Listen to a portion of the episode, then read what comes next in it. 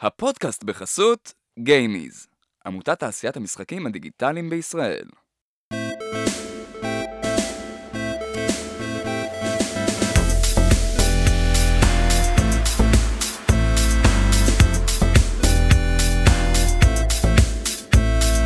ברוכים הבאים למדברים משחקים, הפודקאסט שבו אני, אלעד טבקוב, ואני משה גלבוע. נדבר על כל מה שפיתוח משחקים עם האנשים הכי מעניינים בתעשיית המשחקים, נקודה.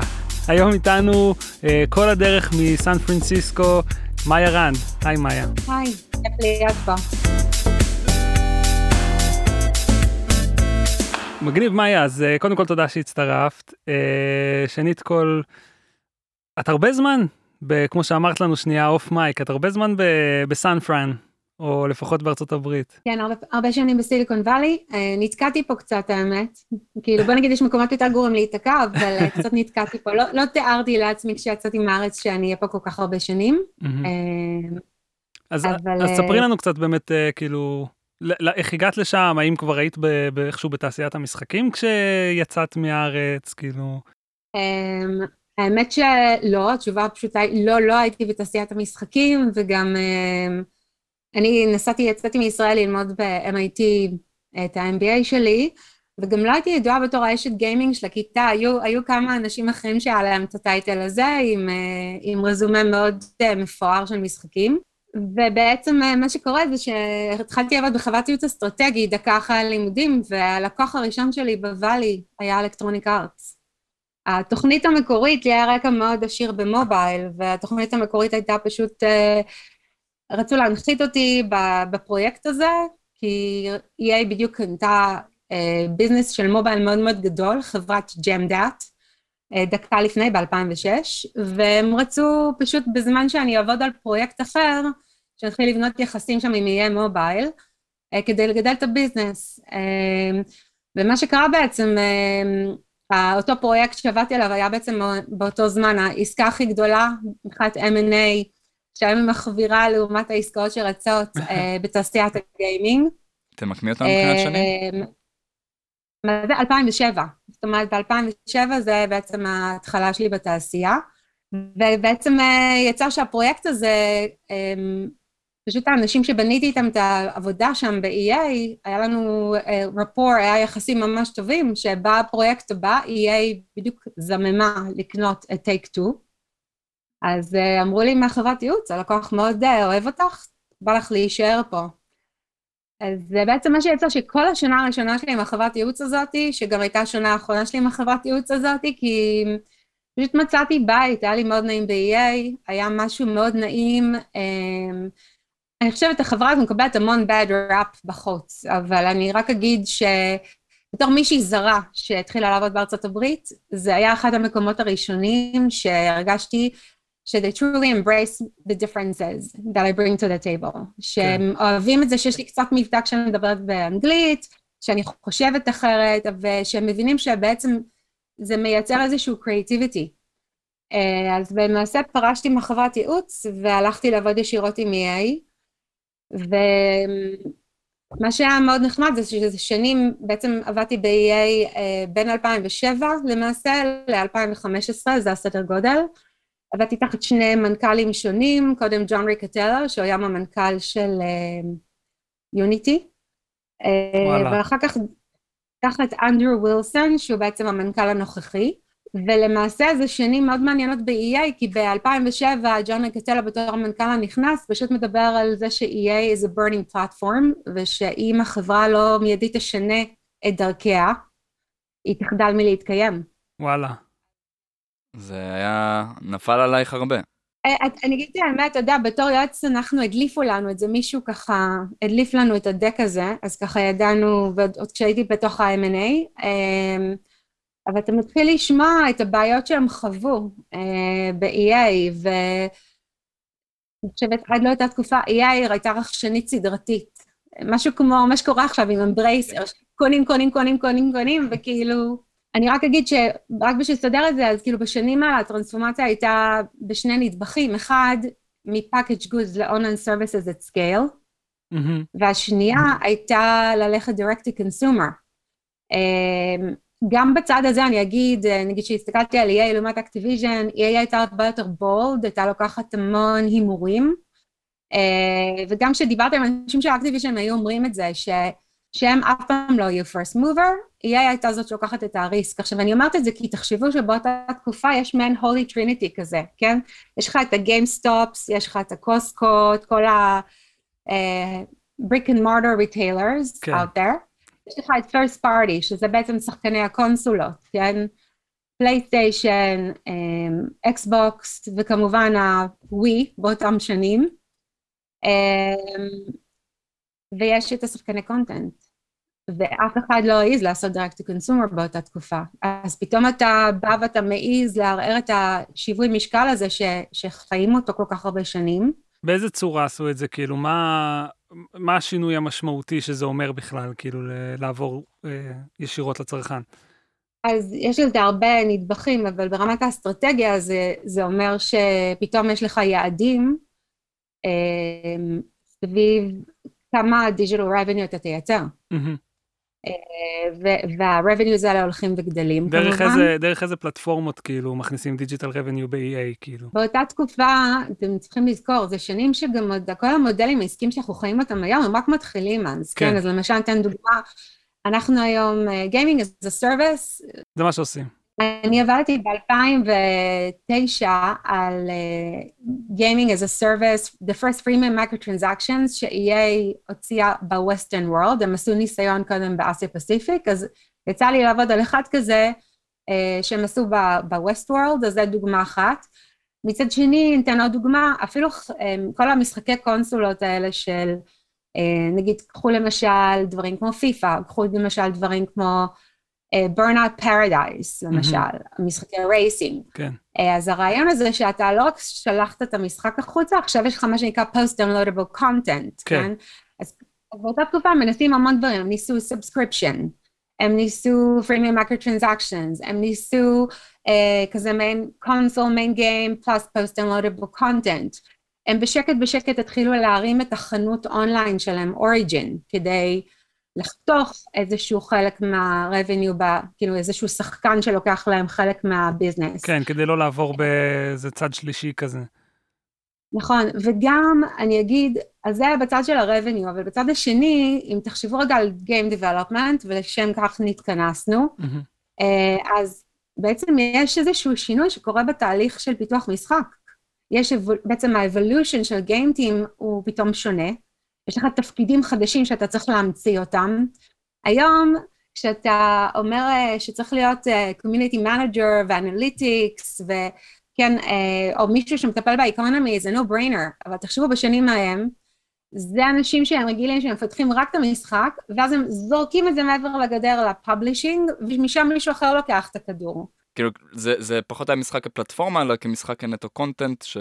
רק כדי להס... לא, אתה, אתה צודק, אני רק רוצה להסביר, אה, שאת תסבירי רגע לקהל שלנו, שאולי לא מכיר את הסקופ הזה של חברות, מה הכובע שלך היה בתוך החברה הזאת, כאילו, ב, אה, אה, זה, זה כובע שאנחנו לא רגילים אליו, כאילו, זה, זה כובע של, של צמיחה, של כאילו, של, של סדר ארגוני, כאילו... אז הרבה, איך אומרים, אני אגיד ככה, בטייטל הרשמי אני הייתי Senior Director of Strategy and Operations, mm-hmm. הבוס שלי אה, אותו צ'מפיון של אותו M&A פרויקט, הוא בעצם הופך להיות ה-Worldwide Studio COO של EA. בשביל קצת להסביר מה זה, uh, זה למעשה בעצם הבן אדם שהוא המגה COO in charge for all the game development studios ש-EA has, פלוס Central Development Services של החברה. כן, הוא אחראי על כל חברות הפיתוח uh, שיושבות תחת הגג של EA. כן. בדיוק, ובעצם מוקם מה שנקרא ה-Worldwide Studio Organization, ורק עוד משהו קצת להסביר איך החברות האלה עובדות. אמ, זה בדרך כלל עובד בצמדים. גם כל השרשרת חיול היא בצמדים, זאת אומרת, תמיד יש צד אחד שאומר מה נעשה בצד היצירתי, ויש את הצד השני שאומר how we're going to achieve it, כאילו מבחינת budget, timeline, resources. כן. אה, אז הבן זוג של הבוס שלי אה, הוא פרנק ז'יבו באותם שנים, הוא בעצם ה-Head of a Worldwide Studio Organization, אה, והם מדווחים לג'ון רקטלו, שזה המנכ"ל. כן. אה, אז זה המיקום שבו ישבנו. איזה חברות עכשיו- ישבו תחת EA, אה, גם כדי למקם, כאילו, חברות אה, סטודיו? אז בשנים האלה אני אגיד יצא לי לעבוד עם דייס שמוצאים את באטלפילד מהמם. שהפכו להיות מעצמות על אחר כן. כך זה הפך להיות גוד סטודיוס. כן. יצא לי לעבוד עם קריטריאן שהוציאו את ברנאוט פרדייס יצא לי לעבוד עם ביואר על Dragon Age ו Mass Effect ו Star Wars The Old Republic. כן. מי עוד? במהלך השנים קנינו את Chillingo, קנינו את... אה, עבדנו עם Firemonkeys על racing במובייל. זה הרבה לנהל. וכולי. כן, בוא, בוא נגיד ש... ש... אני שמח, בכוונה ניסיתי שתזרקי את השמות האלה כדי שנבין כאילו את ה scope. זה באמת המשחקים שכאילו אנחנו מסתכלים עליהם כמה ש... שאנחנו קוראים לו triple A, של ה triple A, כאילו בא- באותם שנים. זה triple A, גם ברמת המובייל, אנחנו עבד, עבדנו על triple A, זאת אומרת, זה פרויקטים שבפיתוח, נגיד למובייל, אתה מדבר על 50-70 מיליון דולר בפיתוח.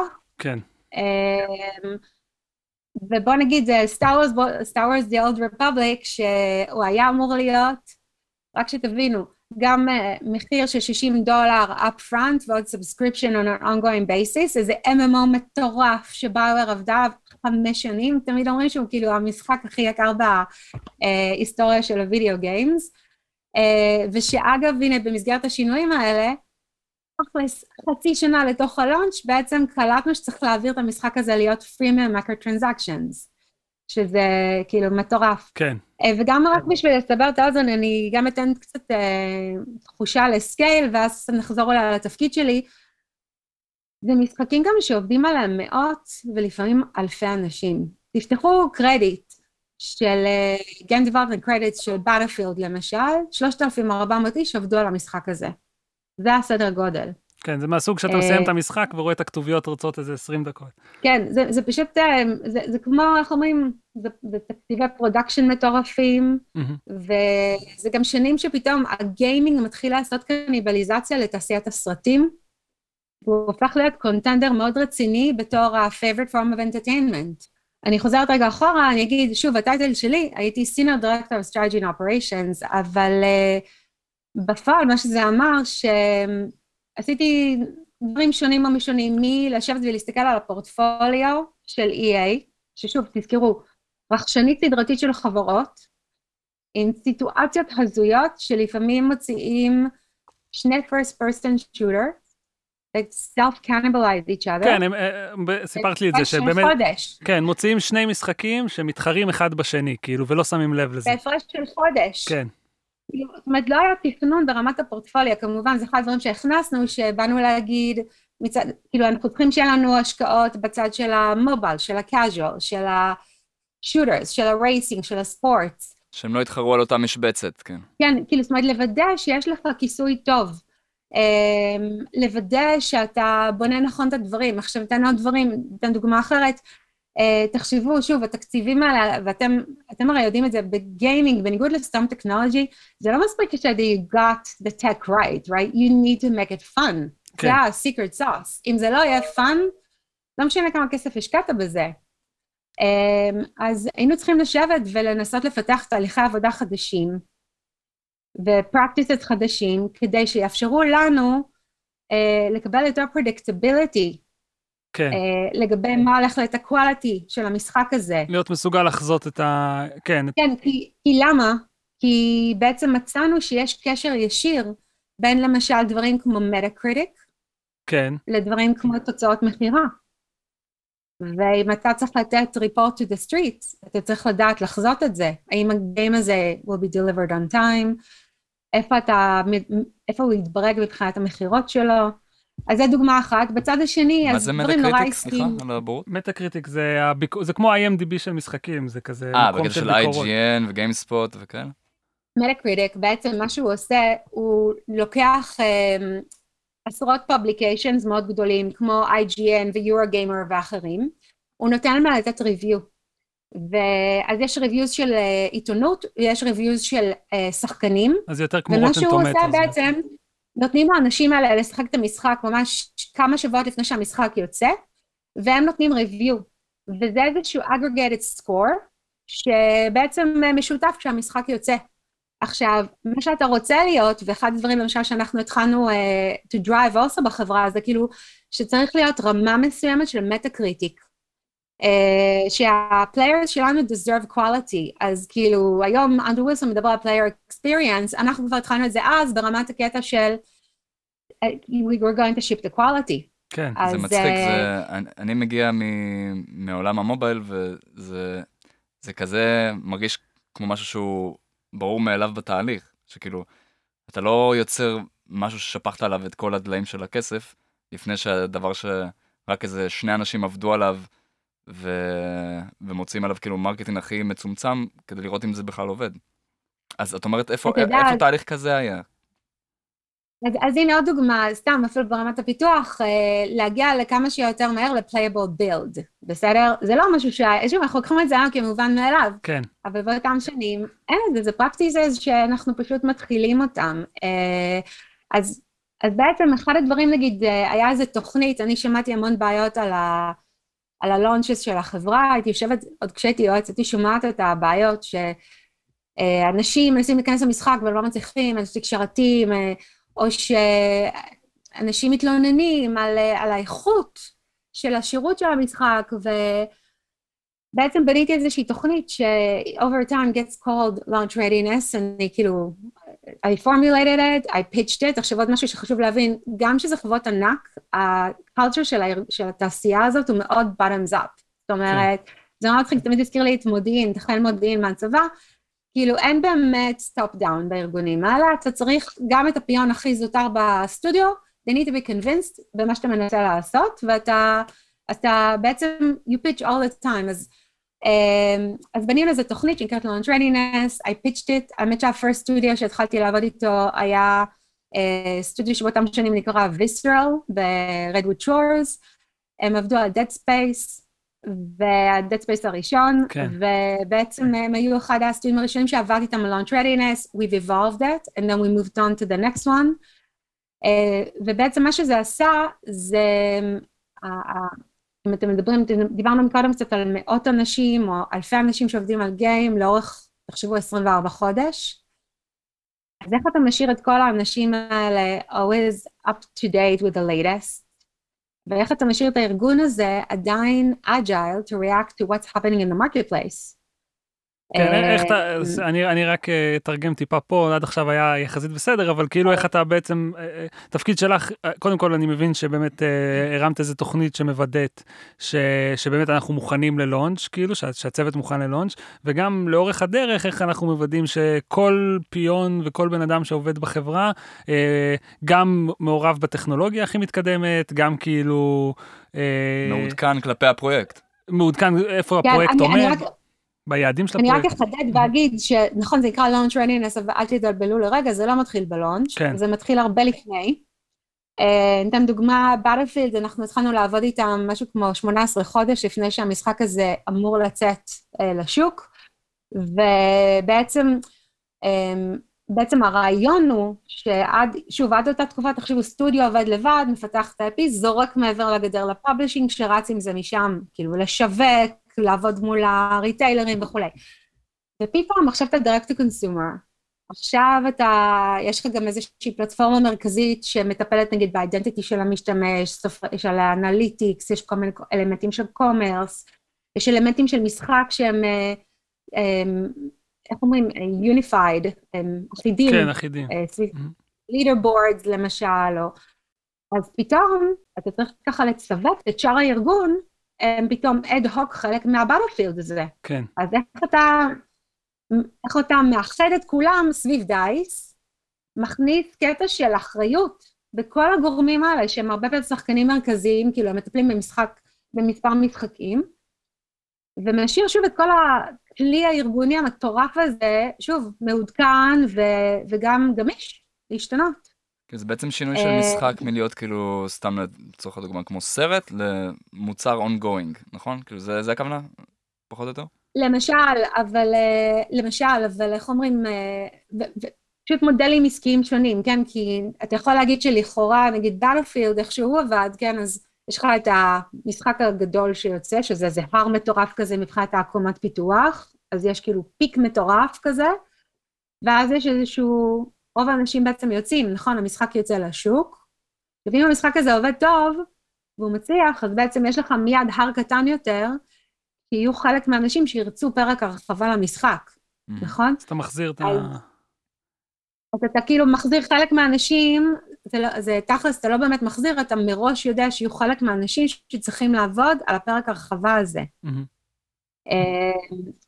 ו over time, שוב, אתה מתחיל להיות יותר sophisticated, כי שוב, תחשבו, זה לא דברים שהם קיימים באותה תקופה, אבל עם הזמן אתה מתחיל להגיד, רגע, מה בעצם ה-attach rate? מתוך ה-100% אנשים שקנו את המשחק, כמה מהם בעצם ירצו לקנות פרק הרחבה? אה, כי כן. שוב, אתה בסוף ארגון, אין לעשות, אה, זה לא מלכ"ר פה, צריך לעשות כסף, אז אתה צריך להתחיל לחזות. אה, כמה שעות פיתוח אתה תשקיע בזה, כדי לייצר משהו שהוא עדיין נותן value למשתמש, אבל מצד שני אתה לא שורף את ה... אתה כאילו עדיין מצליח להרוויח פה. בלי לצאת אה. מתחומי הדברים שאת יכולה או לא יכולה לדבר עליהם, כן, אבל היו חברות נגיד שזה היה יותר קשה איתם, היה מקומות שבהם זה היה מא- מאתגר, כי בסוף את מדברת פה על, באמת על איזושהי התוויה של, של, של, לא יודע, של תרבות ארגונית, שהיא חוצה נכון. ארגונים, והיא חוצה כאילו, זה, זה, אנשים שבמדינות אחרות, כאילו. נכון, אה, זה חלק מהכיף, אני חושבת, גם בארגון הזה. כי מצד אחד אתה עובד עם אה, בריטים, יום אחרי זה אתה עובד עם פינים, יום אחרי זה אתה עובד עם אה, קנדים, אה, או עם שוודים. אז אה, כן, ו- ותרבויות מאוד שונות, וכמובן הצוות מעורב, כאילו יש גם אנשים מכל העולם מעורבים. אז אה, כן, יש פה, אתה לומד טיק טק, אתה צריך ללמוד מי עומד מולך. אתה צריך ללמוד טיק טק איך אתה קונה credibility איתם, כדי שהם יאפשרו לך, כי בסוף אתה, אה, איך אומרים, הם ה-owners של ה-P&L, אז אה, the final decision is theirs. כן, הם צריכים to really be bought into what you're proposing, הם צריכים להיות משוכנעים שזה הדבר הנכון לעשות אותו. אז uh, אני אגיד שהצוות של באטלפילד, איתם למשל ממש הבנתי מהר עם השוודים שזה כאילו מצחיק, בתור ישראלית איפשהו יכולנו, היה לי תקשורת איתם יותר טובה מאשר לאמריקאים, הם היו מאוד ציניים כלפי האמריקאים, הם הרבה יותר ישירים, ו... אז, אז איפשהו הייתי הרבה פעמים סוג של מדיאטור, אבל מצד שני, איך אני אגיד, גם הבנתי שאם איתם יעבוד יותר טוב, in person. אז כאילו היו לי פשוט, כשעבדתי על באטלפילד בשנים האלה, אני יכולה להגיד לכם, הייתי שבוע פה בארצות הברית, שבוע בסטוקהולם. כאילו היה לי כבר את החדר הקבוע בהילטון, אה, הייתי פשוט מבלה שלושה ארבעה ימים כל שבוע ב DICE בסטוקהולם, בשביל לפתח את לפני, ש... הקשרים. שנייה לפני שנמשיך באמת uh, לנושא הבא, רציתי לדעת אם כאילו היו נושאים ספציפיים שנגיד לקח יותר זמן להטמיע בארגון, כאילו נגיד, uh, לא יודע, סתם משהו שקופץ לך, uh, דברים ש, שבאמת, נ... לא יודע, שהיום נראים לנו טריוויאליים, אבל באמת לאורך ה... אני חושבת הקונספט הזה של אה, דאטה, כמה הדאטה חשוב, וגם ברמה העסקית, גם ברמה העסקית, זאת אומרת, אה, נגיד אחר כך שאתה הופך להתחיל, מתחיל למכור מיקרו transaction, אז כאילו מה אנשים אוהבים, שוב, זה דברים שאנחנו היום לוקחים אותם כטריוויאליים, אבל גם הקטע הזה של להתחיל להבין, אה, תחשבו שוב, זה אוסף סטודיואים נפרדים שנקנו, ועכשיו בתור המרכז אני פתאום מתחילה להסביר להם שיש לך כאילו גילינו שיש את rate, שאם מישהו קנה משחק ספורט, הוא גם רוצה משחק שוטר. אז אה, איך אתה גורם לכולם לשתף מידע? כן, זה לא כאילו מובן מאליו. אה, כי בסוף הסטודיו צריך להכניס טאגים למשחק. זה עוד ריסורסס שהוא עכשיו צריך להשקיע, כדי ש-EA תקבל תמונה של 360 מעלות נגיד, על אלעד. מה אלעד אוהב לעשות, מה אוהב לקנות, מה אוהב לשחק, איפה הוא מבלה, כאילו במשחק, במשחקים, מה עוד הוא קונה. אז כל הדברים האלה פתאום עכשיו זה תלוי בסטודיו, הסטודיו צריך להשקיע ריסורסס בשביל להשקיע, בשביל להתקין את זה, נכון? אז זה לא דברים שהם בהתחלה טריוויאליים לעשות. אה, אז גם שם אתה צריך להתחיל לייצר שינויים גם ברמת התגמול, תחשבו, של צוות ההנהלה, שאתם לא רק נמדדים על היכולת של הסטודיו שלכם, אתם גם, יש איזושהי אחריות הדדית לכל ה-GMs, אחד מול השני. למה? כי גם אם בלפילד פתאום פיתחה איזה שהם great press practices, אז איך אנחנו מוודאים שהגוף הבא שמוציא את השוטר בשנה שאחרי, לומד אותם? איך עושים העברת מקל? כאילו, אז יש פה המון דברים שהם כאילו, איך אומרים, משפיעים אחד על השני, וכן, הרבה פעמים אתה צריך לוקח זמן קצת לגרום לאנשים לראות את התמונה הגדולה. We're all batting for the same team. אם, אם כאילו זה, עובד יותר טוב עבור כולנו, המניות של כולנו עולות, אז כדאי לכולנו לעשות את זה. אני חייב להגיד שגם uh, כשזה לא מפלצת כמו EA מבחינת האימפריה שהיא, אז uh, גם בחברות קטנות אני רואה את זה כאילו פה בארץ, אם מייצרים כמה משחקים במקביל, יד ימין לא יודעת מה קורה עם יד שמאל, וזה כאילו, יש הרבה עבודה שיכולה להיחסך עם איזשהו שיתוף מידע. ופה את אומרת זה בכלל, זה עוד יותר קשה כי זה מוצרים שונים. זה עוד יותר. אני אתן עוד דוגמה ממש הזויה, אני חושבת, אה, הזכרנו קצת את אוריג'ין מקודם, את החנות של EA, אז uh, תחשבו רגע, שוב, באותה תקופה סוף סוף מבינים שצריך להיות community manager בכל משחק, שמדבר עם הלקוחות, uh, יש לך גם את customer support ויש לך גם את החנות של EA. עכשיו, מספיק שיש לה איזה משחק אחד, נגיד יש איזושהי בעיה, ויש איזושהי תקלה טכנית, זה שנים שבהתחלה, אני זוכרת, נגיד אם יש איזה בעיה במשחק אחד, פתאום, והלקוחות מתחילים להתלהם, היו מנהלי uh, קהילות, אני אגיד, לא היו חכמים במיוחד, שהתחילו להגיד, זה לא אנחנו, זה הם. Uh, מין דיבור כזה, שאתה אומר, כאילו, uh, חבר, אתה מקבל משכורת מאותו ארגון, בוא.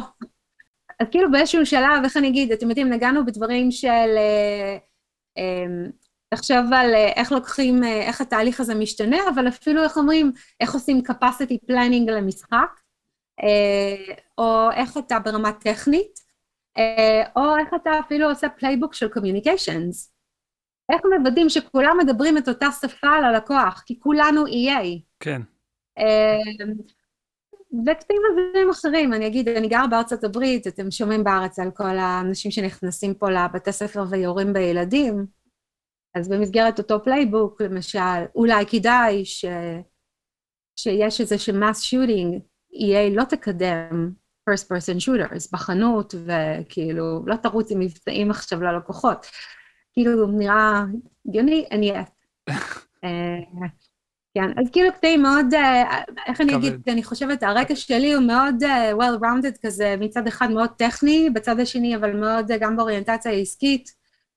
אז uh, איפשהו כשאתה יושב למעלה שם, או אתה עובד עם המון צוותים, אתה מצליח לראות את כל ה-opportunities that cut across, או gaps that cut across the company, ואז אתה יכול לבוא וליזום uh, תהליכים או פתרונות שייתנו מענה לעשרות uh, צוותים.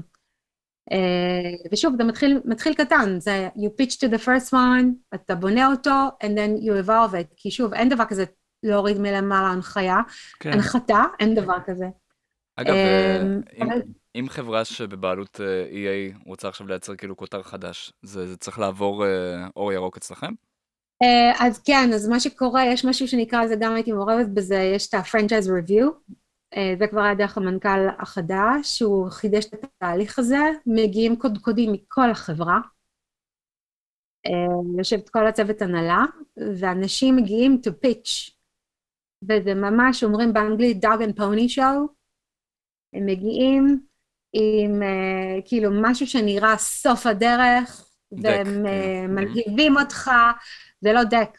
אה, זה, לא דק. זה שואו? זה ברודוויי? זה שואו רציני, אני ישבתי סוגרים את ברודוויי ועושים פיצ'ים, זה מה שאתה אומר. תודה, אני הייתי על תקן ה... אני תמיד צוחקת, אני על תקן המזכירה המדופלמת, ישבתי שם עם כל הקודקודים, לראות את ה-franchise review, um, ויוצאות משם החלטות. וזה, אני חייבת להגיד, אנדרו ווילסון חותך, טיק טק. כאילו, אמ, כן, אם חשבתם שלעשות פיץ' כאילו- כן. לאיזה פאבלישר אה, אירופאי כן. זה קשוח. אנשים כן. שואלים שאלות, כאילו, אתה יודע, שוב, תחשוב שבשלב הזה EA מבינה שגם הקודקודים צריך לכרוך את האינסנטיבס שלהם אחד בשני. אז כאילו כולם, אם רואים שיש איזשהו משהו מדליק, כולם רוצים שזה יצליח. אם רואים שיש משהו בעייתי, אז כאילו גם להיכנס לעזור. וגם, אה, אתה יודע, אם צריך לקבל החלטה פחות נעימה, אז גם החלטה פחות נעימה, אבל uh, יושבים שם כל הקודקודים ופשוט שואלים שאלות סביב זה, וכן, ואנשים מגיעים to pitch it, זה גם, זה גם הג'יאן של סטודיו, אבל גם עוד שינוי ש-EA עשתה. העלויות פיתוח מאוד נכבדות, גם עלויות שיווק מאוד נכבדות. אפשר אפילו להגיד באותם שנים, אני חושבת יחס של אחד לאחד. Mm. Uh, אז כאילו, בשלב גם הבינו שגם הצד של השיווק, הוא צריך להימדד על ה-P&L. אז כשה pitching הזה קורה, גם השיווק מעורב, הם מגיעים להיות חלק, זה בעצם אתה רואה producer, executive producer, יחד עם איזשהו קודקוד שיווק, אמ, מריץ את זה בעצם. כאילו, מאוד מעניין, אני, אני חייבת להגיד, אמ, מאוד מעניין לראות את השינוי הזה, ש-EA עברה. אני חושבת שג'ון ריקטיאלו הוא אסטרטג בחסד, באמת. והיה לו צוות execution מעולה שעבד איתו, וזה באמת פרנק ג'יבו והבוס שלי בריין איידר, אה, שפשוט, אה, אתה יודע, הניעו אלפי אנשים אה, לקחת את EA לאיפה שהיא היום, זאת אומרת, לא, לאיפה שהיא הגיעה, כאילו, באותם שנים, אני לא לוקחת אחריות, אני בעצם עזבתי ב-2015 את החברה, אבל אני חושבת, השארנו חברה עם פורטפוליו בהתחלה מאוד מאוד טוב, מאוד חזק, אז עכשיו אה, אנחנו יודעים אה, בדיוק לשים את הפין פוינט על איפה היה הדאון-היל של אה, EA ברגע שמאיה עזבה. אני, לא, אני חושבת, האמת, אני, יש לי דעות מוצקות בזה, אני מעריכה את אנדרו וילסון, כן? אני פשוט חושבת, אני חיכיתי שפרנג'י בואי יקבל את המנכ"לות, הוא היה מועמד להיות המנכ"ל הבא, ובאמיתי בעצם עברו עליו. דילגו מעליו, לקחו מישהו שדיווח עליו ושמו אותו מעליו, וכדי שהוא לא... כאילו, את חושבת שזה ש... זה סתם אני, אני אומר את זה כאילו ממש סתם, אני לא סגור בכלל שזה נכון, אבל את מרגישה שכאילו משהו קרה שם ש... אמ, שהתווסף עוד גורם כאילו בנוסף לשיווק והמוצר כאילו נוצר גם איזה גוף מוניטיזציה כזה שקיבל אפילו 1-1-2 כמעט או שזה, או שאני... אני חושבת המוניטיזציה, המוניטיזציה קורית ברמת כל סטודיו, mm-hmm. ברמת כל משחק. Mm-hmm. הנקודה היא פשוט שיש איזושהי יד מכוונת. Mm-hmm. יש יד מכוונת שאחת בעצם, אתה יודע, נגיד לרבעון, או אחת לחודש, תלוי, תלוי אם אתה בבעיה או לא, אז, אה, או לפעמים יותר, אה, בעצם מסתכלת בכל רגע נתון איך הפורטפוליו נראה, איפה הריסקס שלנו, איפה דברים עומדים להישבר או לא עומדים להישבר, איך דברים פרפורמינג או לא. Uh, ובכל רגע נתון גם מסתכלים על השוק ואומרים, רגע, פייסבוק gaming זה ביזנס שאנחנו צריכים להיות בו? זה ביזנס שהוא באמת מוצדק או לא? Uh, אז זה המקום שאותה יד מכוונת נכנסת, וזה באמת הארגון של הבוס שלי, שהסתכל על הפורטפוליו, שעשה מה שנקרא uh, תכנון יותר מסודר, שלא יהיה קניבליזציה, שיהיה לנו כיסוי טוב, ושכשנגיד מתווים יעדים, נגיד במובייל, אם אתה top 20 game, או אם אתה top 6, יש לזה משמעויות מטורפות במיליונים של דולרים. אז, ואז כל הזמן להסתכל איך אנחנו מבצעים, מה זה אומר, what else do we need to green light, מה חסר לנו היום, אולי צריך ללכת לקנות משהו, כדי שיהיה לנו נוכחות בביזנס הזה. ועוד רק דבר אחד אני אגיד, כי אתה יודע, אתה דיברת קצת על הקטע שאתה בא מעולמות המובייל, תחשבו, מובייל מתחיל לצמוח מאוד מאוד uh, מהר בשנים האלה, ומרבית הכוח אדם של החברה הוא אנשים שעשו קונסולות. כן, אצלנו יש בעיה הפוכה. כן. האם זה טרנספרבל? ואיפה, וחייבת להגיד, לא כזה טריוויאלי. לא כזה טריוויאלי. אה, הנה בואי אני אפתור לך, אני אפתור לך, אה, אתפוס לך שני ציפורים במכה. אה, אם EA מחפשים מפתחי מובייל, ויש להם בעיה של אנשים שיודעים לפתח למובייל, שבואו אלינו. אז האמת, בוא נעשה רגע איזה סגווי לנושא אחר, נפסיק לדבר קצת על הזמן ב-EA, אני רק אגיד, אם אנשים רוצים לשמוע, בכיף, אני אשמח, באמת יצא לי לעבוד על משחקים מטורפים. אני רק אגיד שהדבר האחרון שאני רק אגיד זה סקאלה מטורפת, שאני חושבת... אני רק, לסבר את האוזן, בלוקבאסטר באותם שנים זה 4 מיליון יחידות, אוקיי? מכרת 4 מיליון, אתה בעצם בלוקבאסטר. title כמו Battlefield, שעבדתי עליו ממש ב trenches, ככה day in day out. Uh, בחודש הראשון מכר 17 מיליון יחידות. Mm. ב open beta שלנו, של שלושה שבועות, 9 מיליון איש. הדבר הזה עושה stretching למערכות החברה בצורה שהיא לא תיאמן. Uh, שלקח לנו משהו כמו חודשיים אחרי ה launch לייצב את המשחק הזה. וזה כאילו אתגרים מטורפים שאני לא חושבת שכאילו, אה, גם בתעשייה לא הכירו אותם, כי Battlefield בניגוד נגיד ל-Call of Duty, שהוא באמת אולי מכר 30 מיליון יחידות באותה תקופה, זה כמו דוד וגוליית, אז ככה הסתכלנו על זה, um, הוא היה single player, אנחנו היינו multiplayer, 24 נגד 24, זה כאילו דברים חדשים, כן, ברמת ה innovation שבעצם היא מביאה. Uh, עוד דוגמה רק אחת, אני רק אתן, זה סטאר וורס. שני מיליון איש ב pre-order ומחכים ב queue ליום שתפתח את המשחק. שוב, זה challenges שכאילו צריך להיערך אליהם uh, כדי לתת רמת שירות לאנשים שעכשיו הוציאו 60 דולר מהכיס לשלם ולהיות שם. Mm-hmm. אז אני אעזוב את זה, רק אגיד, אני רוצה רגע לחבר את זה למה שאתה אמרת. יש לנו המון שיחות בארץ על מתי יהיה לנו triple A. ואני, פשוט, אלעד שומע את זה ממני כבר כמה פעמים, ואני לא בהכרח חושבת שמה שצריך לעשות זה triple A, אני חושבת שבתעשייה הזאת, כולם מחפשים את הדבר החם החדש שבא שייווצר. אני חושבת שיש לנו talent סופר איכותי בארץ, שבא מעולמות תוכן אחרים, והוא מביא איזושהי פרספקטיבה אחרת לשולחן, ואני חושבת שבעיניי, אה, יש, יש ביטוי באנגלית שנקרא cross-pollination, האבקה הדדית, כן? אני חושבת שההפריה ההדדית הזאת, שאתה לוקח אנשים שבאים מעולמות הטריפל איי ואתה, you marry them עם אנשים שבאים מעולמות תוכן של המובייל, אה, או casual, כן? או אינדי.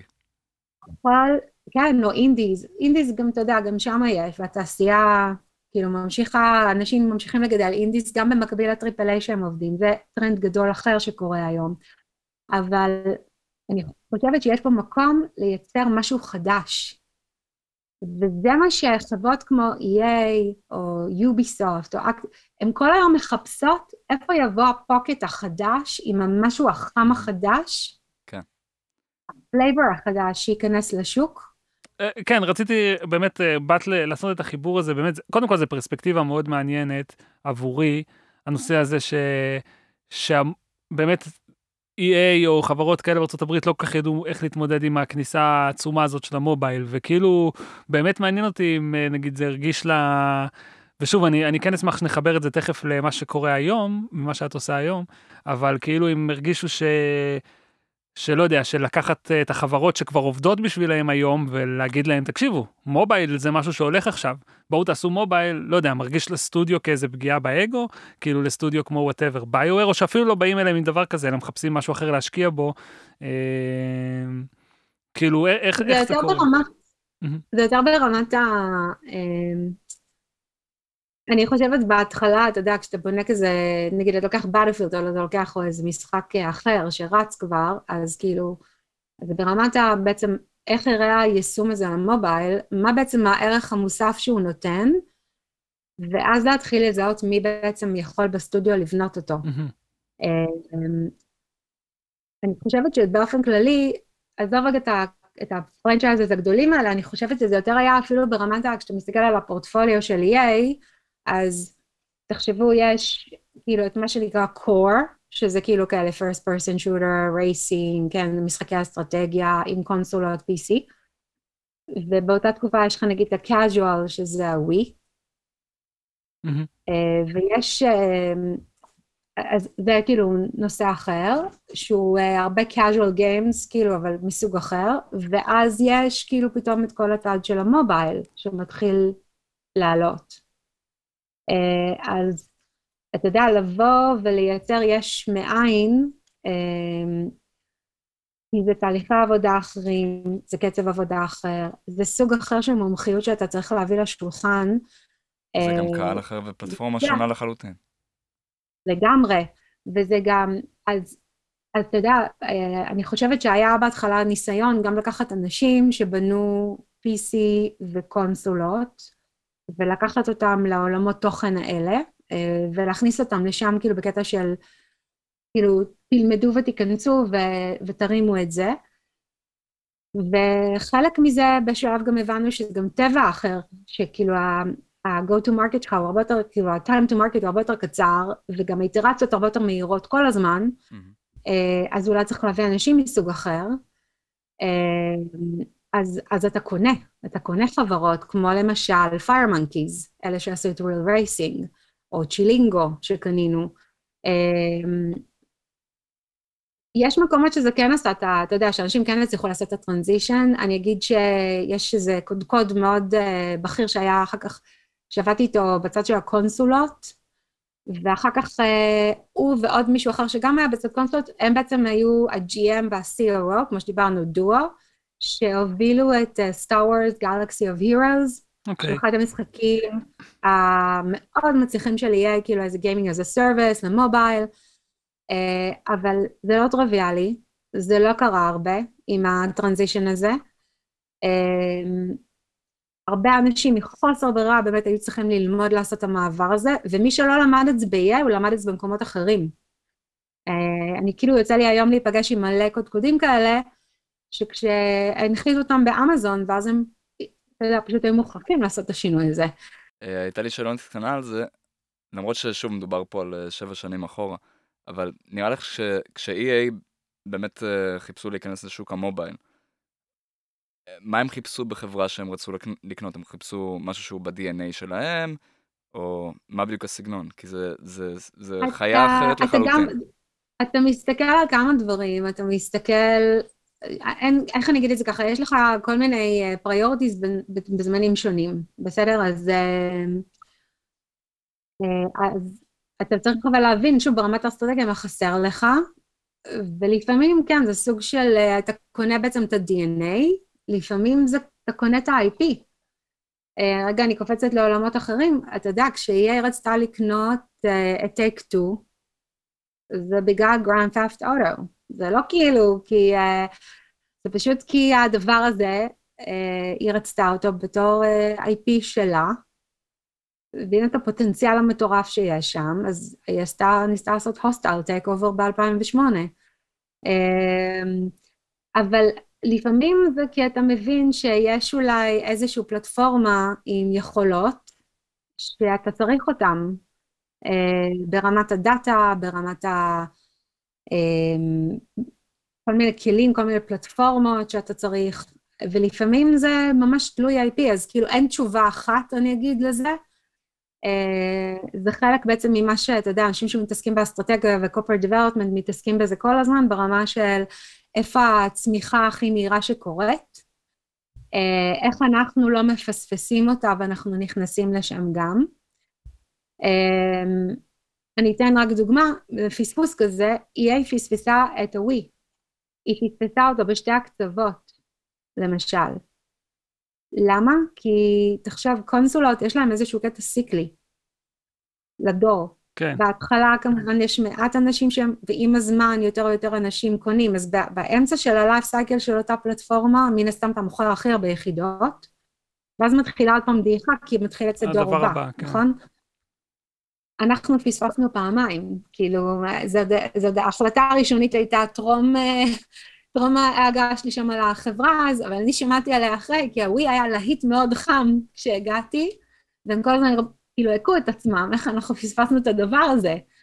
אה, אז הם כאילו פספסו פעמיים, כי עד שהם נכנסו ועד שהמשחקים יצאו, אז הם כבר הגיעו לקצה של החיים של הקונסולה. אתה מבין? הם יצאו עם כל מיני משחקי ספורט מדליקים כאלה לווי. אה, אז שוב, לפעמים אתה מבין שבשביל לרוץ יותר מהר, לא טוב לפתח בבית. עדיף לקנות מישהו, באותו רגע. למה? כי אתה צריך to signal to the street, to wall street, שאתה נמצא ברובריקה הזאת שצומחת מאוד מהר.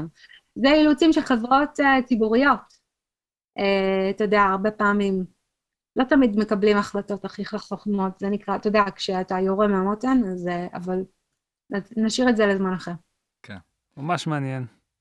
אני, אה, אני כאילו אומרת, אה, נראה לי שאתה יודע, שאתה מחפש לקבל אם יש איזה secret recipe או איזשהו סוס. אין, אנחנו יודעים ש... לא, לא, לא, אני, עניין אותי השמירה של ה... כאילו, היא, היא, היא מנסה לייצג איזה משהו מסוים, כאילו זה, לא יודע, כן. סוגי משחקים מסוימים, אז כשהיא פונה לשוק מובייל, כאילו, איפה זה עוצר, כאילו, הם ישחקו, הם לא, נגיד, סתם אני מדבר על התעשייה שלנו בארץ, נגיד, הם לא יקנו נגיד איזה משחק סלוטים, כאילו חברה שמייצרת סלוטים, כי זה לא ה-DNA שלה. השאלה כאילו איפה זה בספקטרום, יקנו חברה שמייצרת דברים כמו, כמו Candy Crush, או שהם ילכו לדברים כמו, לא יודע. Star Wars זה ספציפית. כן. כן. אני אגיד, קנינו את, אה, קנינו את PopCap, וזה כבר היה בזמני, קנו את PopCap, מה- מי ושהוא זה בעצם PopCap? היה- סליחה, אני... PopCap זה Plants vs. Zombies, וואלה. שהיה גם אה, אה, נכון. להיט מאוד מצליח. באותו סטודיו גם עשה את Bejeweled, שאני בטוחה שאתם מכירים. כן. אה, אז למשל, מה זה Bejeweled היו עושים 3 match row games, נכון? כאילו,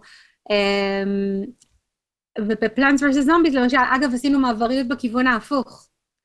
פלאנס vs. זומביז כן, היה... הוא עכשיו איזה משחק אה, first person כמעט כזה ראיתי, או third person מטורף כזה. אז האנקדוטה הכי חמודה זה כאילו שבעצם, אה, אתם יודעים, הדבר הזה היה על מובייל והוא מאוד הצליח, אה, ובעצם הם לקחו את ה-IP ואמרו, מה אם נלביש את זה על המנוע של באטלפילד? מה אם נלביש את זה, וזה כאילו מצחיק, אבל ב-2011 באטלפילד 3 יוצא, ב-2012 יוצא Plants vs. Zombies Garden Warfare, וכאילו על אותן פלטפורמות, עם אותו מנוע, אה, משחקים Frostbite. מצחיק, עכשיו האחיינים שלי שיחקו בזה. כן. אני מתה על המשחק הזה, הוא מככב אצלי גם בפרופיל אגב, כאילו, הוא quirky, הוא מצחיק, הוא חמוד לאללה, כן. וזה היה אחד המשחקים הראשונים שסוף סוף הוא לא היה rated mature, יכולתי אשכרה לשחק אותו בבית עם הילדים שלי. אז אה, כן. זה מצחיק, זה קצת עשה ריקושט מכל הסיפור. לא, אבל זה קטע, זו שאלה כמעט, זה- לא, זה- זה מקרה כמעט הפוך למה שאתה ציפית לשמוע, כי היא כן. אומרת, דווקא, אה, קנו משחק זה, אבל אני "בוא נביא-" חושבת, יש, אני חושבת שזה הקטע שנורא חשוב להביא. וזה כאילו שוב מה שאני מנסה להגיד אה, גם לאנשים בתעשייה שלנו. בסוף, content is king. אם יש לך IP טוב, עכשיו השאלה היא how can you stretch it. ו-stretching it יכול להיות uh, לפלטפורמה אחרת, למדיום אחר של משחק, והוא יכול להיות גם, אתם יודעים, כאילו לתעשייה ליד. אז תחשבו על זה, תנסו לחשוב פעם, סרטים הנה הארי פוטר הופך להיות משחק. אבל תנסו לחשוב כמה משחקים עברו היום לעולמות הסרטים. אז אה, זה, זה הופך להיות IP, תראה, אני גרה בה בארצות הברית, מס אפקט, אני לא אם אתם יודעים, יש פה ב, בלונה פארק פה לידי, בסנטה קלרה פה, יש סקשן שלם של מס אפקט. וואלה. וואי, עשית לי חשק לבוא, אני אוקיי. חסיד של מס אפקט. הנה, אתה אז אתה כאילו, הקליינטורה, אתה מבין? ה-IP הזה הוא בעצם נמתח, הוא נמתח למלא כיוונים לטס... Need for Speed, אחרי 20 שנה של Need for Speed Games, היה סרט עם הבחור ששיחק בשוברים שורות, Bad, קוראים כן. לזה בארץ, Mhm. אה, ארן פול. כן.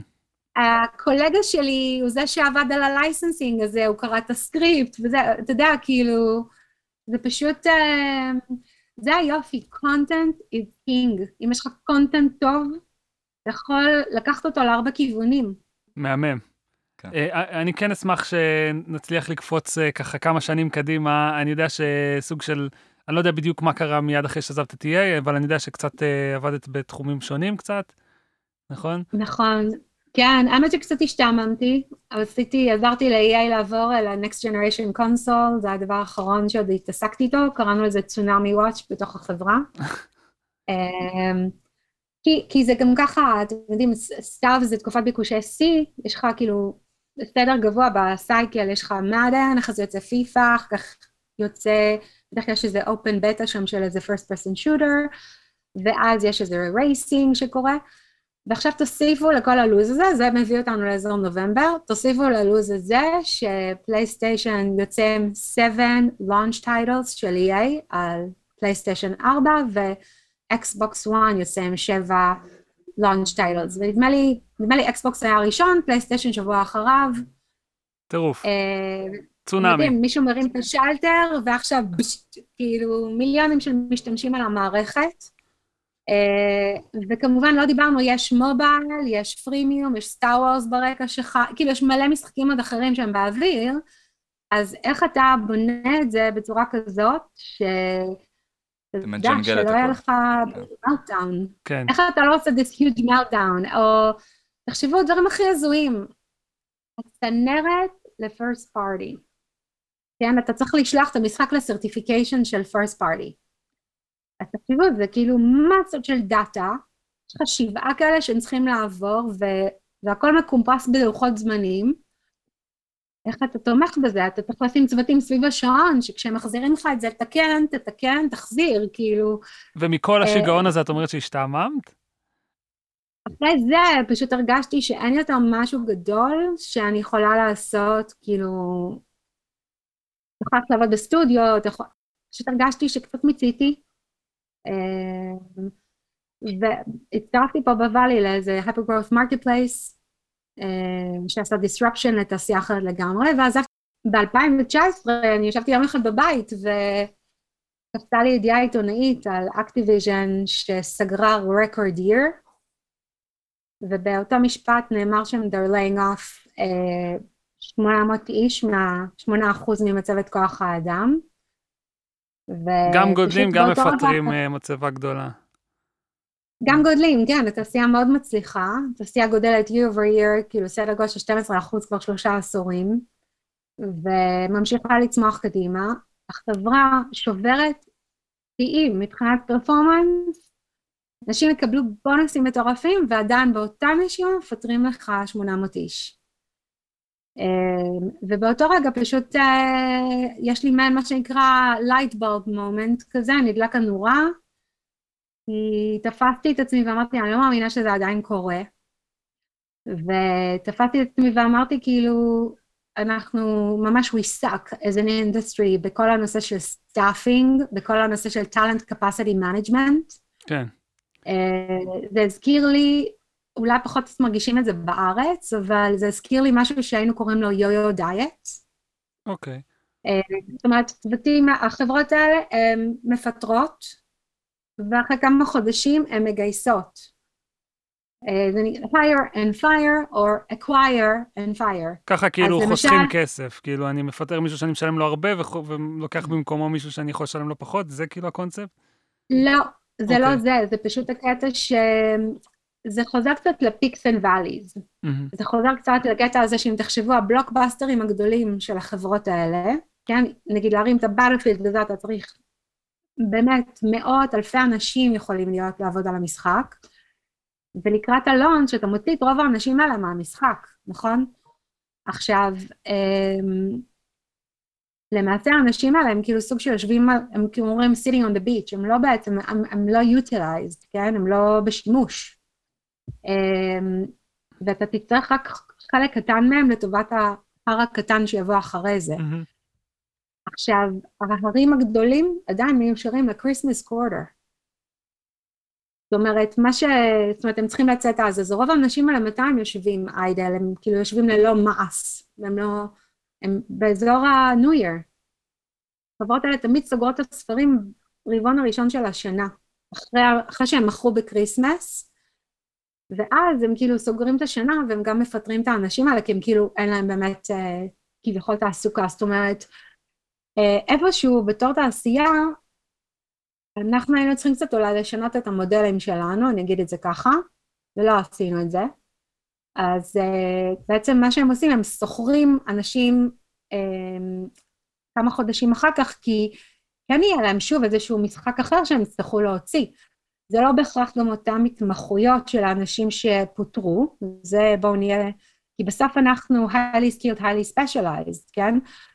Um, אבל uh, חלק מהאנשים אולי גם יכולת, אפשר היה להצדיק כן להשאיר אותם ולנתב אותם למקומות אחרים, אבל זה לא פורטה של הארגונים האלה, הם לא יודעים לעשות את זה. הם צריכים ברגע מסוים ידיים עובדות, ובזה זה נגמר.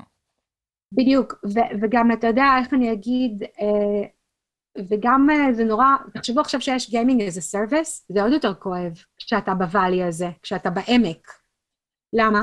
כי אתה כאילו מוציא המון כסף מהכיס על האנשים האלה, אתה לא באמת יודע שאתה you're going to make it back, כי זה פרימיום, נכון? אתה לא יודע אם ה-content הזה יצליח, לא יודע אם ה-micro transac, אז ה-tension הזה, להקטין את הצוות, הוא מאוד גדול. ו... אז בעצם אני רואה את הידיעה הזאת, זה פשוט מזכיר לי את היו-יו דיאט הזה, שהייתי רואה את הקטע הזה שכל שנה אנשים במסות מפוטרים באזור פברואר, כאילו, אה, ולמצוא עבודה, ומדברת עם אנשים שיש להם רזומה מפואר, כאילו, באמת, עם משחקים מטורפים, ורואה כמה קשה להם למצוא עבודה. אה, אז כאילו, התחלתי גם לחשוב על זה, רק בשביל אה, קצת לחבר גם את הקטע של הפיטורים, לתת לכם מספרים. ב-2019, לפי סקר של IGDA, כל 15 חודש בן אדם בתעשיית הגיימינג מפוטר. שוב פעם, זה ממוצע. יש אנשים שמפטרים אותם אחרי שישה חודשים. אז uh, זה קצת uh, קשה, ואז התחלתי לחשוב על הצוות שלי ב-EA, היו לי 14 direct reports, רק שלושה עדיין עובדים ב-video games. אתה אומר לעצמך, וואו, מה קרה פה בעצם? אתה מבין שאנשים super passionate לגבי התעשייה, הם נכנסים צעירים, מתחילים לעבוד, קוראים תחת הקראנץ' שכבר מדברים עליו בארץ, ונותנים את הנשמה, ואז מפטרים אותם. ו... ואז הם אומרים, אתה יודע, כאילו, יש עולמות תוכן אחרים שיקבלו אותי ואת הכישורים שלי ושלמו לי יופי. אמ, אז הרבה מהחבר'ה האלה הולכים לעולמות תוכן שמחפשים לצוד טאלנט כמו שלנו. אמ, אז מה זה, ו... מה זה הניע בך? באמת ה-lightbulb moment הזה, מה... אז, אז ישבתי וחשבתי על בעצם זה שצריך uh, לעשות איזשהו שינוי, שצריך להיות, uh, למה כל כך קשה, צריך להיות איזשהו מכניזם אחר, שכשאתה צריך את האנשים, יהיה לך את היכולת למצוא אותם.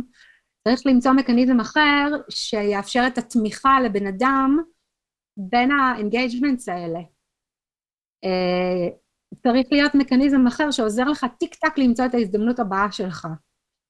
ושהיום יש איזושהי בעיה, ועזבו רגע את ה-hiring and firing בש... לרגע, דה פקטו מאוד קשה למצוא, אם אתה סטודיו ואתה producer, מאוד קשה לך היום למצוא את הבן אדם שאתה צריך אה, לתפקיד מסוים, זה יכול לקחת להם בין שישה חודשים לשנה. מה פתאום, בעיות של משאבי אנוש? לא. לא נתקלנו. זה הבעיה מספר אחת בערך פה ב... כן. והבעיה היא גם הפוכה בצד של הטאלנט. לא, וגם יכול להיות שזה באמת עניין של, אה, כמו שאת אומרת, אתה רוצה להעסיק מישהו ללונג טרם, וכאילו גם, אתה, אתה מחפש אותו, וכן, יכול להיות שאתה מפטר אותו אחרי חצי שנה, כי הוא לא מתאים ללונג טרם, כאילו, לא יודע. אה, אז, אז אתה כאילו אומר, בצד השני, איך אני נותנת לאנשים איזשהו, יש להם ממש income volatility, יש להם, אה, איך אומרים, הכנסה שהיא מאוד...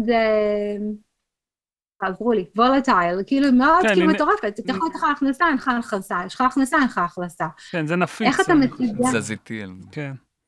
איך אתה מסדר שיהיה איזשהו steady flow של income? איך אתה מסדר את זה שלבן אדם יש הכנסה שוטפת שיכול לתמוך במשפחה שלו עכשיו? לא... אז... אמ, וזהו, התחלתי לחשוב על זה, ובעצם מתוך זה נולד המיזם הזה של The X Place, ו... יש בעצם בתשתית, כאילו יש אה, איזושהי חשיבה, אני מאוד, איך אומרים, יש לנו תוכניות מאוד גדולות, מה אנחנו רוצים לעשות בסוף, אבל מה שמניע אותנו כרגע, זה באמת היכולת לאפשר לאנשים בתעשייה לפתח קריירה בצורה שמכבדת אותם, דואגת להם להכנסה, עוזרת להם to upskill themselves, ולבנות קריירה משמעותית. אמ, אז זה מתחיל מתוך זה. זה שאני יודעת לפתור את זה ל-production team בסטודיו, כן, כי עבדתי איתם, ראיתי מקרוב את הבעיות שלהם. ראיתי, ועכשיו אני אומרת שוב, אני מכוונת בסטודיו ל-production team, פחות ה-talent acquisition. הסיבה שאני אומרת את זה, כי ה-P&L, ownership, הוא של ה-production team. בסוף, כשאני עובדת נגיד על, אה, על Mass Effect 5, כאילו, על Dragon Age 4 נגיד, אם יש לי היום 15 חורים בצוות, בתור ה-producer, הטוסיק שלי בסכנה. אם אני לא מביאה את האנשים האלה, אני לא אשיג את היעדי מכירה. אני לא אשיג את היעדים של המשחק הזה. אז uh, אני משתמשת בטאנט אקוויזישנס, והם משתמשים ב-recruiting agencies, ויש המון, איך אני אגיד, um, אז אני אגיד את זה רק ככה שבאיזשהו מקום, אם תסתכלו עלינו, אנחנו תעשייה שהיא super uh, cutting edge בצד של הטכנולוגיה ו-innovation, אבל אנחנו really, we didn't actually evolve שום, neither of our practices, כשזה מגיע ל-staffing. כן. אנחנו ממשיכים לעבוד באותה צורה כבר שלושה עשורים. אז מה בעצם... לא כל כך מצליח לנו. אז הפרויקט הזה באמת ש... שבחרת לפתוח כדי לתת מענה לבעיה הזאת, The X Place, אני כן אשמח לשמוע אותך קצת מספרת עליו מעבר ל, ל, לאיזה צרכים הוא עונה. אז הרעיון של האקספרס בעצם זה ליתר איזושהי קהילה איכותית של, שכולם get vetted at the door בתור התחלה. שבעברית זה אומר ש... get vetted זה אומר ש... שוב, בעיות קשות עם ה... אני מצטערת עם העברית, לא, אבל. ה-vetting זה בעצם, אני עושה איזשהו וידוא. אני עושה וידוא אה, ברמת, קודם כל, לאנשים אני עושה וידוא קודם כל שאתה מי שאתה אומר שאתה. בתור ה-identity verification, כן? אני רוצה לדעת שאתה מי שאומר שאתה.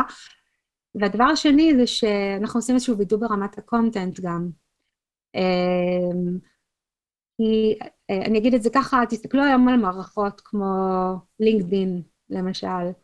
אה, יש היום גם המון fake personas, יש כתוצאה מזה המון hate speech. אה, בתור יהודייה אני אומרת את זה. יש היום bullying שקורה, יש בוטים. יש גם פייק אה, hiring, כאילו. ב-LinkedIn הייתי בטוח שזה סאחי. לא. אה, לא, כאילו, אני- לא נתקלתי בזה, אולי כאילו ב... נשים אגב זה קורבן. יותר גדול של זה, אני אגיד ככה הטרדות, קורבן יותר גדול נשים של זה, ככל שהפרופיל שלך, אני יכולה להגיד לך מאז שאני יזמת והתחלתי יותר לעשות action ב-social media, פתאום התחלתי לקבל בוטים, פתאום מקבלת אה, כל מיני fake profiles שפונים אליי. אה, ב-LinkedIn? כולל כאילו, ב-LinkedIn, יש לי דוגמאות שאני יכולה לשלוח. וואי וואי. אני אגיד ייקס. יותר מזה ואני אעזוב את זה רגע, יש קמפיין, עזוב אותי, יש קמפיין שאיזה מישהי עשתה, יש מאמר שכתבתי את זה לעיתונות של התעשייה, שיש, מצוין שם ממש הלינק לקמפיין עם מאות קייסס מתועדים של אנשים מתלוננים אה, על בעיות שיש להם כאלה בלינקדין, שהם הלכו עם זה ללינקדין, ו... לא כל כך קרה עם זה כלום, אה, הבחורה מ-2022 שהרימה את הקמפיין הזה, היה איזה רגע שהיא הייתה מאוד שמחה לספר שנפגשו איתה מהצוות שם, ואז מישהי עלתה על גלי האתר ואמרה לה, אהלן חברה, אני עשיתי את אותו דבר ב-2016, ו... ואמרה לה, לצערי שום דבר לא קרה גם מאז, אז כאילו, hold your horses, אל תתלהבי כרגע יותר מדי, כי עוד לא, לא נעשה עדיין כלום. אז uh, הבעיות האלה רק הולכות וצומחות. אז, אז אנחנו מוודאים שאתה מי שאתה, אנחנו מוודאים גם לגבי קונטנט, בואו רגע ניקח את זה, אנשים כותבים אלף, סיפורי אלף לילה ולילה ברזומה שלהם בלינקדין, אף אחד לא bothering to check that. מה המשמעות של זה היום? שאם אני היום סטודיו, ואני עכשיו זוכרת נגיד איזשהו, אה, בוא ניקח level designer, אה, לבוא לעבוד במשחק, ותגיד אתה אומר אני הייתי level designer בסטאר וורס, אז הסטודיו, מה שהוא צריך לעשות, עכשיו העול יושב עליו, לנסות לפענח, לפצח את זה, אם אתה באמת, זה מה שעשית במשחק, או שאתה עשית את הצ'ופצ'יק של אותו level design, ואתה עכשיו לוקח על זה, אז הם מתחילים to grill you. מה בדיוק עשית? How did you go about it? באיזה challenges היו לך? מה היה התהליך הקריאיטיבי שלך? למה? כי הם פשוט מנסים להבין אם אתה דובר אמת או. שקר. מהמם, או לא. עכשיו בוא ניקח את זה הצד ההפוך, אני עושה וידוא גם לחברות. למה? כי יש מלא fake profiles, fake projects are being stood up. אה, ואני לא מדברת עכשיו כשאנחנו בימי ה-NFTs, שזה גם, אה, כן? דיברתי איתכם עוד ב-2019. סטודיואים שמתרוממים, אנשים שעובדים עליהם לבוא לעבוד על פרויקטים שהם כביכול יש להם זכויות על IP מסוים, מבטיחים לשלם לך ונעלמים. אה, אנשים שהשם שלהם מוצמד לאותו פרויקט, יש כאילו דוגמאות, יש ממש כתבה של קוטקו עם דוגמאות כאלה. אה, אמ, אז כאילו, איך אומרים, והיום תחשבו בעידן ה-remote work, זה הוסיף איזשהו נדבך מסוים של challenges, שאני צריכה to qualify מרחוק את הסטודיו הזה, אם הוא אמיתי, אם הוא ישלם לי, אה, גם ברמת ה... מדברים היום קצת יותר, אני חושבת גם בארץ על נושאים של toxic culture, אה, הטרדות, אנחנו מסתכלים על כל זה, אנחנו מנסים לייצר קומיוניטי שהוא, יש שם trust, שאתה יכול לבטוח במידע שאתה רואה, שאתה יודע שחברות שמעסיקות שם, יש להן accountability, הן נמדדות כל הזמן, גם אחרי הפרויקט הם יימדדו, גם אחרי העבודה איתך, יש review הדדי. ואיך אומרים, אנחנו רוצים לוודא שאין bad actors פה. אה, וקצת לנסות גם לטייב את התעשייה, אז ברמה הכי בסיסית, קודם כל שתדע שאותו מעסיק הוא באמת, אה, אפשר לעמוד מאחורי מה שהוא אומר, יש לו כסף לשלם על העבודה הזאתי, ואין שם bad actors שהולכים להתעלל בעובדים שלהם. אז, אז גם ההיבטים האלה זה ה-vetting הראשוני שקורה. Uh, אנחנו גם מנסים לבנות כלים שיביאו את האקו-סיסטם הזה למאה הנוכחית. תחשבו על זה, זו תעשייה um, מאוד visually rich. אנחנו ממשיכים כולנו לעבוד עם מערכות שזה הכל מבוסס מילים, מילים, מילים, מילים, um, מבוסס טייטלים. אם אני game designer ל-hyper casual game זה מאוד שונה מ-game designer ל-RPG לקונסולה. אז כאילו גם ברמת ה-titles, כל המערכות היום עובדות סביב titles, שאין להם שום meaning בסוף, אתה צריך אבל להבין, שוב, מה התמונה הכוללת. אז תחשבו כמה זמן הולך to decipher, כאילו להבין, גם בצד של אה, הטאלנט וגם בצד של המעסיק, כדי לדעת, רגע, למה התכוון המשורר כשהוא כתב לי גיים דיזיינר. כן. אז סתם כאילו לסבר את האוזן, אה, לצורך העניין, אני פתחתי פרופיל ב-DX Place, כאילו, אמ, אמיתי, לא, לא דוגמה, אני פתחתי פרופיל ב-DX Place, ובאמת אה, וידאו איתי לצורך העניין שעבדתי על פיפו, שהייתי, איזה תפקיד בדיוק עשיתי ב-Escape Lala, שזה איזשהו משחק אה, ישראלי ש... שהייתי בו, קצת התעסקתי בו בקומיוניטי, אז באמת וידאו איתי שמה בדיוק עשיתי, לא עכשיו פיתחתי את המשחק הזה, אני לא יכול לקחת את הקרדיט הזה שפיתחתי את המשחק הזה, לוודא שבאמת מה שעשיתי שם זה מה שאני אומר שעשיתי, ואולי אחרי זה גם לוודא עם האנשים שעבדתי איתם, אני צודק? כאילו, שזה באמת מה שעשיתי, אז סתם, זה מהצד של ה, של, שלי כ, כמפתח, ואת אומרת שאת עושה נגיד את אותם הדברים גם בצד של הסטודיו. זאת אומרת שגם אני כמישהו שעבד נכון. בסטודיו יכול להגיד הסטודיו הזה הוא x, y ו-z, וזה באמת מה שהוא עושה, ו... נכון, ו- ועוד משהו כמובן לדעת מי יושב ב-leadership bench, שהם they'll be accountable כן. למה שהם עושים, להחלטות שהם מקבלים, שכשהם מחליטים uh, לסגור את הסטודיו ותוך יומיים uh, לסגור את המשכורות לכולם ואת ה-benefits, אז כאילו שידעו שיש consequences לזה, זאת אומרת, יש, צריכה להיות התנהגות קצת יותר אחראית, אנחנו בני אדם וכולנו רוצים להתפרנס בכבוד, ו, ו, ו, ופשוט צריכה להיות יותר accountability. Uh, אז, אז זה מגיע מכל, מהמקום הזה, אמ, וכמובן גם להביא את זה, כמו שאמרתי, למאה הזאת, לטפל בניואנסים של התעשייה, תוך כדי שתביא את זה קצת לימינו אנו. אז אנחנו כן מנסים לתת באמצעות, אמ, איך אומרים, לטפל בניואנסים ייחודים של התעשייה. אה, בוא ניקח דוגמה, זה איך אנשים מחפשים קריאייטיבס בתעשייה. אתה קודם כל מסתכל, תראה לי את הפורטפוליו שלך, אחר כך אתה אומר לבן אדם, אתה רוצה לבחון אם יש לו decent communication skills, אם אתה יכול, כי זה בסוף תעשייה מאוד אינטראקטיבית, נכון? אז כאילו, uh, sorry, highly iterative, the nature of our work הוא מאוד איטרטיבי, האופן העבודה שלנו. אז אתה צריך בן שידע לתקשר בצורה טובה, ובסוף אתה בודק אם אתה, זה לא איזה מישהו משוגע. אז כאילו, סורי, אז, uh, אז איפשהו, איך אומרים, יש המון דברים שאיך שבנינו אותם, הם בנויים סביב זה. החיפוש אצלנו, הוא מאפשר לך to tag your work, את, ה, את האסט שלך to the highest level specificity, כדי שאפשר יהיה למצוא אותך דרך העבודה הזאת.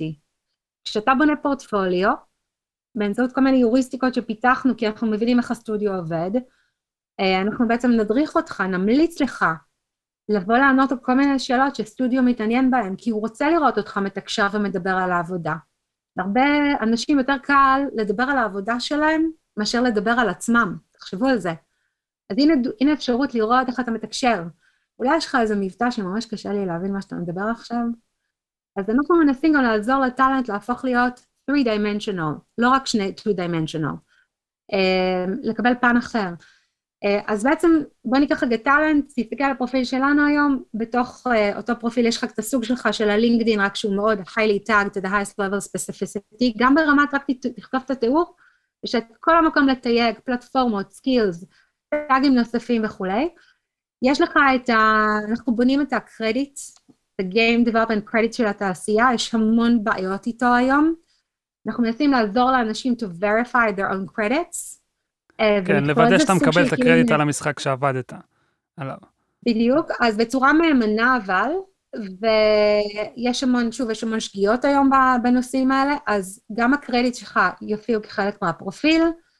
אמ, הפורטפוליו שלך, ומבחינתי פורטפוליו זה לא רק לארטיסט, Game Designer, Economy Designer. אתה, אתה רוצה להסביר את תהליך העבודה שלך, אתה רוצה להסביר מה הייתה הבעיה שרצית לפתור, אתה, אנחנו נותנים לך את המקום להסביר בעצם מה הייתה הבעיה, what did you sell it to achieve, את המקום להעלות multiple assets שבו אתה מסביר על זה, לתייג את העבודה הזאת, כי מישהו עכשיו מחפש, בוא ניקח לדוגמה, a free, a free to play economy designer שמתמצא, uh, מתמקצע על נושא של uh, נגיד micro transactions uh, סביב vanity items, אז שהוא ימצא אותך. כן, שאם אוקיי? יש לך, כמו. אה, כמו שאמרת קודם, שכאילו אם יש, אם אנשים בתעשייה הזאת הם highly skilled ו-specialized, אז, אז תדע למצוא את הבן אדם שזה מה שהוא יודע לעשות, ולא תמצא את הבן אדם שכאילו עושה משהו שהוא סמוך לזה לצורך העניין. יכול להיות משהו סמוך, אבל איך אומרים שיהיה קרוב מספיק שיש טרנספרבל, כי כן. זה אפשרי, אבל שזה לא יהיה far-fetched לגמרי, זאת אומרת, אל תביא לו מישהו שהוא עשה דברים אחרים בעליל. כן. אה, אה, אני, ככה, בגלל שאנחנו כבר קצת קצרים בזמן, אז אני, רוצה ככה, לקראת סיום, להבין כאילו מה, ה, אה, אולי תגידי לנו מה החזון שלך עבור התעשייה קצת, ו-what's next כזה עבור The X-Place, כאילו לאן זה הולך ואיפה אנחנו היום כזה, זה אה, פחות או יותר. אני חושבת, וואו, חזון שלי עבור התעשייה זה... כן. את אומרת, אה, נקבע אה, עוד פרק. אני חושבת, אה, אני חושבת, אה, תראו, אני חושבת שהתעשייה תמשיך לצמוח, אני חושבת גם שאנחנו הולכים אה, לראות מצוקת כוח אדם מאוד רצינית בשנים הקרובות, וזה רק הולך ונעשה יותר גרוע. אה, ואני אגיד למה, כי אני חושבת שיש היום הרבה עולמות תוכן, שבעצם, אה, קצת דיברתי על זה מקודם, אה, שואבים את הטאלנט שלנו. תחשבו על זה, כשזה מגיע ל-real time 3D interactive, um, זה ככה נקרא הקטגוריה הזאת על ידי יוניטי ו- Unreal, אנחנו בעצם at the forefront, אנחנו בקדמת הטכנולוגיה. ויש לא מעט תעשיות היום שהן בעצם מתחילות ליישם טכנולוגיית video games, או לקחת practices של video games לעולמות שלהם. אז הוליווד, uh, זה שהוליווד כבר יש שם סרטים שזוכים ממנועי משחקים, אני לא צריכה לספר לכם. Um, כן, אבל בואו ניקח את זה לעולמות אחרים, מטאוורס, כן? Uh, או אפילו תעשיית אה, באמת הרכב, כמו שסיפרת לי, ו... נכון, אז תכף נדבר על תעשיית, אולי נתחיל עם תעשיית הרכב. כן. פורד היא אחד הלקוחות הכי גדולים היום של The Unreal Engine, מחוץ לוידאו גיימס. כבר היום אני אגיד, אם תסתכלו, וזה נתונים שהם פתוחים לכולם, אמ, סדר של עשרה אחוז מנפח העסקים של יוניטי היום מגיע מחוץ ל-video games. הוא לא מגיע מ-video games, הוא מגיע מתעשיות כמו תעשייה כבדה, הוליווד, אמ, כל הנושאים של אמולציה, emulation, סימולטורים וכאלה. סימולטורים וכאלה, בעולמות אחרים לגמרי. אז למשל, אה, אלעד הזכיר את Unreal אה, ואת פורד, הם בעצם הלקוח הכי גדול, ותחשבו על זה, הם משתמשים בזה גם ברמת התכנון חלפים שהם 3-dimensional, הם עושים על זה כל מיני סימולציות ברמת האופטימיזציה של החלפים נגיד, אבל גם לטובת שיווק. אתה רוצה עכשיו לראות את עצמך באוטו, אתה רוצה לסמלץ את החוויה, איך זה לקבל את ה-360 הזה עם ה... אז זה גם אה, דברים שאתה יכול לעשות עם הטכנולוגיות שלנו. אה, אבל הנושא הזה רק הולך וצומח. עכשיו, המטאוורס הזה שכולם מדברים עליו, אה, גם הוא שותה את האנשים שלנו, אם תחשבו על זה. אז כשסאטיה נאדלה מדבר נגיד על digital twins לעולמות התעשייה, למה לבנות את המפעל אם אתה יכול לבנות digital twins שלו ולעשות את הכל על המודל הזה לפני שאתה מתחיל לבנות אותו פיזי. אנחנו בונים digital twins כבר שנים, תחשבו על זה. אז אני חושבת שהמצוקת כוח אדם רק תלך ותגבר, אני חושבת ש... אמ, גם האנשים האלה, אני אגיד, הם כבר היום פונים אלינו אה, בקטע שמחפשים טאלנט מהתעשייה. ו- וכן, ואני חושבת שזה רק ילך ויגבר. עכשיו אני אגיד עוד משהו גם לגבי מטאוורס עצמו, הרי לגבי המטאוורס יש המון דיבורים שלא יודעים לאן הוא ילך, איזה אופי יהיה לו, כן, יש לכל אחד יש את הפרספקטיבה שלו, אבל אני, I'm going to make a claim שמי שיבנה אותו זה יהיה האנשים של ה-video games industry. כי אני חושבת שכשאתה בונה מערכות מורכבות, אמ, יש, יש איזשהו אמ, בן אדם חכם שטבע איזשהו כלל אמ, שאומר שכאילו אתה לא יכול להתחיל מוורז'ן, אתה לא יכול לעשות אה, ניסוי מספר 12 ולקפוץ ישר לניסוי מספר 12. אתה צריך לעבור בניסוי אחד ולזרוק אותו ולעשות ניסוי 2 ולזרוק אותו. מי שעשה את הניסויים האלה עד היום, זה רק הטאלנט שלנו. תחשבו על זה, how will you monetize experience in the metaverse experience? הדברים הכי דומים לזה עד היום קורים במשחקים. כן. כל הנושא הזה של concurrency, שכל כך הרבה משתמשים ביחד, בלייב. וגם דברים שרק בעולמות המשחקים נעשו עד היום. אה, אז מהמקום הזה אני חושבת ש... איך אני אגיד, מי שיש לו עבודה בתעשייה, עשית בשכל, בחרת טוב, אה, אני חושבת שיהיה ביקוש מאוד גדול אה, לכוח אדם שלנו, ותהיה מצוקה די גדולה לטאלנט. בתוך התעשייה. יהיה מצוקה למצוא אנשים. שיבואו לאשכרה לפתח משחקים, כן. Uh, כן, זה בעיקר כאילו, גם אני, אני אשמח uh, להשאיר אותנו אולי, לא, אם, אם אין אז אין, אבל on a high note. אני כן אגיד על משהו אחד, ב-high note, אני אמרתי את זה וציטטו אותי אולי קצת שבור, האמת, היה על זה כתבה בדה-מרקר, אני רק אגיד את זה ככה, אני חושבת ש...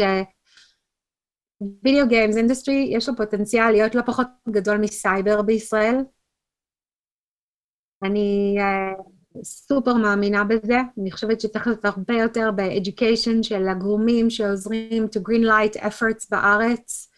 Uh, אני, אני אגיד את זה, באנגליה למשל, אני יודעת שעל כל דולר שהממשלה השקיעה בגרנט, הם החזירו אקסטרה פור בגידול של ה-GDP. Mm-hmm. יש המון מדינות היום שנותנות אינסנטיבס מטורפים. זה שקנדה נותנת אינסנטיבס כבר שנים של 30 סנט on the dollar, מיני rebates גם לשחקני games, זה היה ידוע. אבל רק אם אתם שמים לב מה קרה במונטריאול. במונטריאול גם הממשלות המקומיות החליטו לתת incentive, אז היום זה מגיע למצבים הזויים. כל הפרובינציה שמה אתה יכול לקבל incentives של עד 66 סנט על דולר שהשקעת בחזרה, דרך כל ה-rebates האלה בין הממשלה המקומית לממשלה הפדרלית הקנדית, וכתוצאה מכך, אם תסתכלו על מונטריאול, רק הקליטה של הסינים, תשע חברות סיניות הקימו מרכזים במונטריאול. כי הם מבינים, כאילו שכדאי להם. כן. והקנדים מבינים שגיימינג מניע כלכלה קדימה, ושהוא גם יעזור להם גם במקומות אחרים, כמו שדיברנו, תעשיות אחרות. האוסטרלים הלכו בעקבותם, as of this summer, הם מתחילים להציע rebate. אז אני חושבת שבצד הזה אה, צריך להמשיך עם כל העבודה של לעזור לגורמים ממשלתיים להבין קצת יותר את הפוטנציאל שיש פה. אם יש גורם ממשלתי ששומע את הפודקאסט, אה, ולתת incentives. לתת incentives, אז זה דבר אחד. הדבר השני שאני חושבת זה, תראו, הקורונה עשתה לנו טוב. לנו, אני מחשיבה את עצמי רגע בתור ישראלית, אבל כולנו. Uh, הנושאים האלה היום של לדבר על עבודה מרחוק, יש איזשהו משהו שנפרץ, שלא היה קיים פעם. Uh, והרבה יותר משחקים פתוחים היום להביא את הבן אדם שיעבוד מרחוק. אני חושבת שיש פה הזדמנות מדהימה לטאלנט שיושב בארץ, לעבוד מול אה, שחקנים באירופה, לעבוד מול שחקנים. אני כן מאמינה שצריך להיות איזשהו איזון בטיים זון, אז כאילו, בגלל זה אני לא נגיד לא אומרת ישר ווסט קוסט בארצות הברית, אם אתה כבר הולך לשם אז אולי כדאי שתעבור, אבל... אה, כן, הקורונה די טשטשה את הגבולות מהבחינה הזאת. לא, היא עשתה שינוי מטורף, תקשיב, זה כאילו, פעם הייתי פשוט שומעת את הפרודוסר ואומרים, כן, אין לי בעיה לעבוד עם מרקפס כזה, אבל שהוא יושב פה לידי. והיום הם באים בקטע של, מה, תביא לי talent? לא משנה מאיפה. אני רוצה talent טוב. את יכולה להביא לי מישהו שעשה free to play mobile, ונעמדה אותך שחקן קונסולה. כאילו, אה, של triple A. כאילו, תביא לי, אני רוצה את זה דווקא. כאילו, אני רוצה את הידע הזה. ואתה כאילו אומר, אוקיי, וואו, זה לא היה פעם. לא היה פעם את הדבר הזה.